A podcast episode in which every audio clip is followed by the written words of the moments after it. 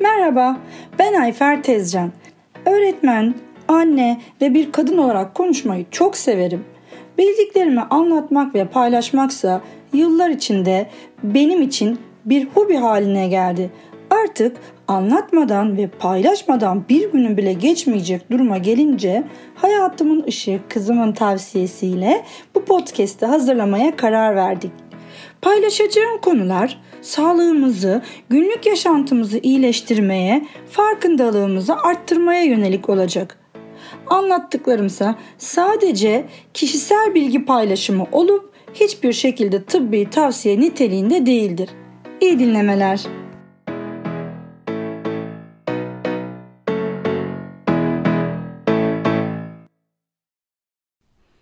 Kolajen yani doğal yapıştırıcımız. Merhaba. Son 3-4 yıldır gündemde olan bir sözcüğümüz var. Özellikle biz XX kromozoma sahip olanlar için çok önemli bir hale geldi. Evet, kolajen denilen zamanında sadece bazı ithal kremlerde var olan bir üründen söz ediyorum. Kolajen bir protein çeşididir. Kole sözcüğü Latince yapıştırıcı ya da yapıştıran anlamındadır. Hücrelerimizin arasındaki boşlukları doldurarak fiziki olarak hücrelerimizi dolayısıyla da bedenimizi bir arada bir bütün halinde tutan önemli bir yapı maddesidir. Memeli canlıların vücutlarındaki biz zaten memeli bir canlıyız. Bulunan protein miktarının yaklaşık %30'unu oluşturur. Kolajen özellikle derimizde, eklem bağlarımızda, tendonlarımızda, kıkırdaklarımızda, kemiklerimizde, damarlarımızda, bağırsaklarımızda, dişlerimizde, korneamızda olmak üzere tüm vücudumuzda temel yapı maddesi olarak iş görmektedir. Doku hücreleri arasındaki boşlukları dolduran lifli yapısıyla da deri dokusunun esnekliğini, parlaklığını ve yumuşaklığını sağlar. Vücudumuzu oluşturan proteinlerin yaklaşık %25'ini, cildimizin ise %75'ini kolajen proteinleri oluşturmaktadır. Cildimiz için ne kadar önemli olduğunu rakamsal olarak ifade ettik diye düşünüyorum. Kolajen vücut tarafından fibroblast denilen hücreler tarafından doğal yollarla oluşturulan bir proteindir. Yapısal olarak 3 polipeptit molekülünün sarmal olarak bir araya gelmesiyle oluşur. 3 kılın uzun ip alın ve bunu saç örgüsü yapın. Sonra bu saç örgülerini bir araya getirip demetler oluşturun. İşte bizim kolajen molekülümüzün yapısı bu kadar sağlamdır. Yoksa bedenimizi bir arada tutamazdı. Kolajen denilen madde tek ve kocaman büyük bir yapıdır. Dolayısıyla dışarıdan doğrudan alınan kolajen molekülünün bağırsaklarımız tarafından emilimi zaten biraz zordur. Kolajen peptit dediğimiz şey ise kolajen denilen büyük molekülün minik minik parçalara kesilmiş ve bağırsaklarımız tarafından kolaylıkla emilebilecek hale getirilmiş şeklidir. Bir de kolajen hidrolizatı vardır ki bu maddede kolajenin enzimatik olarak hidrolize edilmesiyle yani yine minik minik parçalara ayrılmasıyla oluşan bir maddedir. Yani aslında bizim kolajen hidrolizatımızla kolajen peptidimiz aynı şeydir. Kolajen bir protein molekülü olduğundan bu protein molekülünü sentezleyecek yapı taşlarına ihtiyacımız vardır ki bu yapı taşlarına da biz amino asit diyoruz. Kolajen üreten temel besin maddelerimiz proteinlerin yapı taşı olan amino asitlerle C vitaminimiz ve çinko bakır gibi elementlerimizdir. Geleneksel Çin tıbbında Çinli kadınlar eşek derisini kaynatıp kolajen peptidi elde ediyorlarmış. Günümüzde de kolajen hidrolizatı diğer bir deyişle kolajen peptidi başlıca sığır, domuz, balık derisinden elde edilmektedir. Morina balığı kaynaklı elde edilen balık kolajen peptidinin biyo yararlanımı vücudumuzda diğerlerinden çok daha yüksektir. Son derece değerli bir kolajen peptit kaynağıdır. Kolajen hidrolizatı ya da nam diğer kolajen peptidi hayvan deri ve kemiklerinden elde edilen kolajen proteininin enzimatik veya asitik yolla parçalanması sonucunda oluşan suda rahatlıkla çözünebilen bir protein karışımıdır.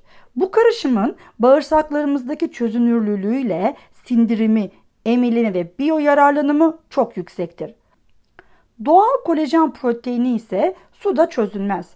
Biyo yararlanımı ise yok denecek kadar azdır. Çünkü molekül çok büyük olduğu için bağırsaklar tarafından emilemez. Bir de bizim bu doğal kolajen proteinimizle bundan elde edilen kolajen peptidimizin arasında bulunan orta büyüklükte bir molekül olan jelatin molekülü vardır. Bu molekülün yani jelatin molekülünün suda çözünürlülüğü ve bağırsaklardaki emilimi de e, aynen molekül büyüklüğü gibi e, bu iki molekülün ortasında yer alır. Yediğimiz jelatinli şekerler bu ürünle hazırlanmaktadır.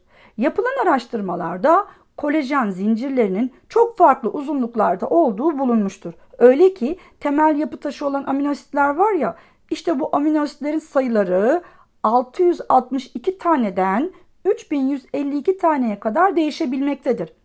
Ayrıca moleküler yapılarının da farklılıkları dolayısıyla kolajen molekülü 7 farklı sınıfa ayrılmaktadır. Bu 7 farklı sınıf içinde de farklı dokularda bulunup farklı işlem yüklenen tam 19 farklı tipte kolajen bulunmaktadır. Bu 19 farklı tip kolajeni de biz lifli yapıdakiler ve alsı yapıdakiler diye ikiye ayırırız. Lifli yapıdakiler tip 1, tip 2, tip 3, tip 5, tip 10 olarak bilinir. Kalan 14 tanesi de alsı yapıdaki kolajenlerdir. Vücudumuzda bulunan kolajenin %90'ı tip 1 ve tip 3 kolajendir. Tip 1 kolajen vücudumuzda en çok bulunan ve en dayanıklı olanıdır. Cildimizin ince kırışıklıklarını ve çizgilerini düzeltir. Esneklik ve nemlilik sağlar. Saçlarımız, tırnaklarımız ve kaslarımızın yapısında da bulunur. Tip 2 kolajen kıkırdaklarımızda bulunur ve eklem sağlığımız için özellikle biz kadınlarda son derece önemlidir. Omurlar arası diskleri sağlamlaştırır. Göz sağlığı için de önemlidir tip 2 kolajen. Tip 3 kolajen bağırsaklarımızda, uterusumuzda yani rahmimizde, kaslarımızda ve kan damarlarımızda bulunur. Cilt sağlığı için çok önemlidir. Tip 4 kolajen organları, kasları, yağları çevreler ve onlara desteklik sağlar. Tip 5 kolajen plasentada ve saç tellerinde bulunur. Tip 10 kolajen ise kemik oluşumu ve eklem kıkırdağının oluşumunu destekler. Geriye kalan 14 değişik tip kolajen molekülü ise genellikle en çok bilinenlerle birlikte yine bizim vücudumuza desteklik sağlar. Kolajenin üretimini destekleyenlerin başında C vitaminimiz gelir. C vitamini ve benzeri antioksidanlar kolajenaz denilen enzimin çalışmasını engeller ve böylece kolajen peptitlerinin de parçalanmasını önler. Yani vücudumuzda sadece kolajen peptidinin var olması tek başına yeterli değildir.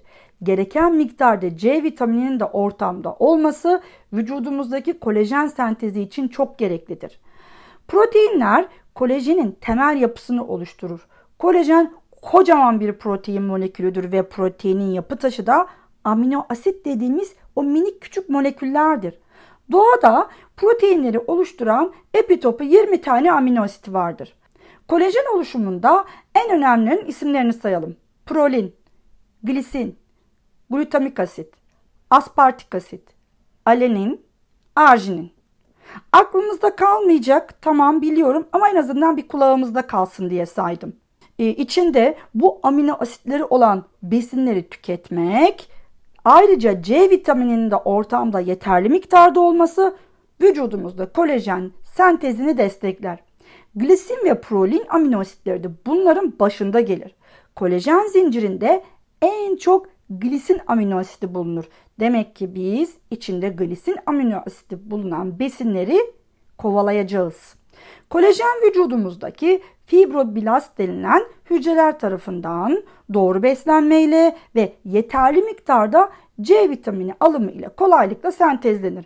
Ama 30'lu yaşlardan itibaren her yıl kolajen sentezi yani yapılımı %1 ila 2 oranında azalır. Kolajenin üretimi yavaşlamaya ve kalitesi de yavaş yavaş düşmeye başlar. 40'lı yaşlara geldiğimizde vücudumuz zaten sahip olduğu kolajenin yaklaşık %20'sini kaybetmiştir. 50'li yaşlarda azalma, daha doğrusu kolajen üretimimiz neredeyse durma noktasına gelmiştir. Ayrıca doğal kolajenin azalmasını, yıkılımını kolaylaştıran en önemli faktörlerden biri de serbest radikaller dediğimiz hepimiz duymuşuzdur. Bir uçları boşta, dengesiz, kararsız serseri moleküllerdir.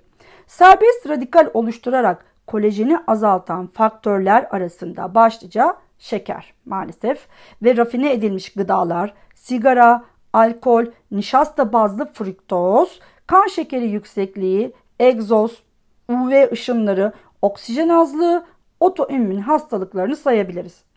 Kolajen azalması sonucunda derimiz esnekliğini, o parlaklığını, yumuşaklığını kaybeder, donuklaşır, kırışır. O kahverengi lekeler var ya işte onlar başta olmak üzere renk değişikliği başlar. Derimiz sarkar, kırışır, yaralarımız geç iyileşmeye başlar. Yorgunluk, halsizlik, performans düşüklüğümüz başlar. Bağ, doku ve kıkırdaklar esnekliğini kaybeder. İskelet, eklem, kas dokunuzun sağlığı daha çabuk bozulur. Osteoporoz, osteoartrit ve romatizma başlar.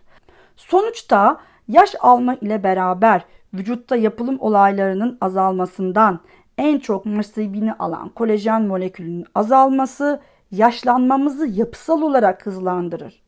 İç organlarımızın yaşlanma hızını gözlemleyemeyiz. Tamam ama cildimizin kırışmasını, sarkmasını, çatlakların ve selülitlerin oluşumunu görebiliriz. İskelet sorunlarımız, eklem sorunlarımız derken vücudumuzun deformasyon sürecine tanık oluruz. Eğer kolajen azalmasını takviye etmezsek bozulma hızı daha da artar. Beslenme ile kolajeni kolayca alabileceğimiz kaynaklar kemik suyu hepimiz artık biliyoruz. Sakatatlar, et, tavuk, hindi, balık, kırmızı meyve ve sebzeler, turuncu sebze ve meyveler ki A vitamini açısından zengin besinler cildimizin dostudur. Sülfür içeren besinler ki artık hepimiz bunu öğrendik korona döneminde. Sarımsak, soğan, lahana, brokoli, karnabahar sayabiliriz. Yumurtanın beyazı kolajen üreten proteinlerden bol miktarda bulundurmaktadır. Turunçgillerin C vitamini içermesinin yanında kabuğunun altındaki o beyaz lifler var ya ayıklayıp çöpe atıyoruz. İşte onlar kolajen açısından önem taşır avokado ve onun yağı, koyu yeşil yapraklı her şey, su yosunu, tamam bu biraz marjinal ama olsun bilelim. Soya ürünleri, üzüm çekirdeği, jelatini sayabiliriz. Peki bunlar bana yetmez. Eksiğimi daha iyi tamamlamak istiyorum dersek ne yapacağız? Özellikle ikinci bağrımızdaysak kolajen peptidi yani kolajen hidrolizatını dışarıdan takviye olarak kullanabiliriz. Bu kesinlikle bizim kendi tercihimizdir. Önemli olan sağlıklı koşullarda üretilmiş bir ürün bulup onu kullanmaktır. Japonya'da yapılan araştırmalarda ultraviyole hasarı yani güneş hasarı ve foto yaşlanmaya bağlı cilt hasarlarını iyileştirdiği ve derinin su tutma kapasitesini arttırarak deriye esneklik verdiği gözlemlenmiştir. Kırışıklığı önlemenin tek yolu derinin su kaybını önlemektir. Su kaybını önlemenin yolu da vücudumuzda su tutan molekülleri desteklemektir ki kolajen ciltte su tutulmasını sağlayan önemli bir moleküldür. Ayrıca eklemlerimiz güçlenir, eklem ve kemik hastalıklarından korunuruz. Kolajen üretimini sağlayan hücreler olan fibroblastlarının da aktifleşmesini, gelişmesini sağlar.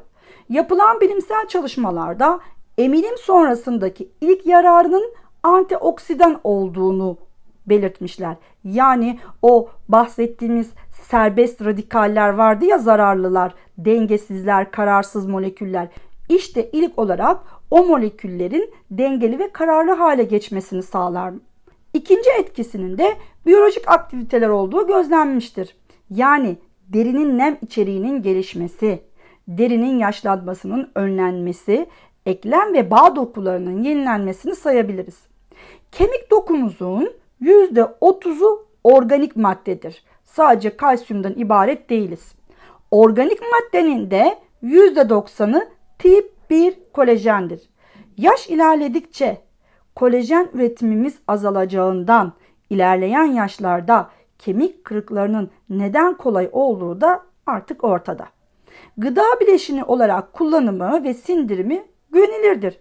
Kolajen bileşiğinin emiliminin ve biyoyararlılığının en yüksek seviyede olabilmesi için molekül büyüklüğünün 2000 Dalton yani epey küçük olması önerilir ki bunu da sadece kulağımızda kalsın diye söylüyorum. Bu şekilde %90'ından fazlası kolaylıkla sindirilir yani bağırsaktan emilerek kana karışır. Eğer biz günlük takviye olarak kullanacaksak tıp çevrelerinde tavsiye edilen miktar 10.000 miligram yani 10 gramdır ve sadece su ile kullanımı önerilir. Böylece emilim en yüksek seviyeye çıkar. Kırmızı ya da mor meyve sularıyla kesinlikle kullanımını tavsiye etmiyorlar çünkü çökelme gerçekleşiyormuş. Balık kolajen peptidi dışında diğer peptit ürünlerinde tat ve koku yoktur. Kolajen hidrolizatı yani namı diğer kolajen peptidi yüksek ısıya dayanan bir üründür ve dolayısıyla da pastörize edilebilir. Bu da eğer tercih edersek kullanacağımız ürünün sağlık açısından güvenilirliğini arttırır. Bol nemli, esnek, pürüzsüz bir ciltle, sağlam eklem ve kemiklerimizle sağlıkla kalalım, sağlık aşkına.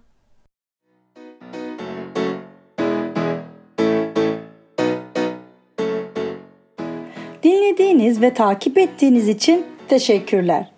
Güncel ve pratik bilgiler için dinlemede ve takipte kalınız. Ayrıca Instagram ve Facebook sayfalarından da takip edebilirsiniz. Sağlık aşkına, sağlıkla kalın.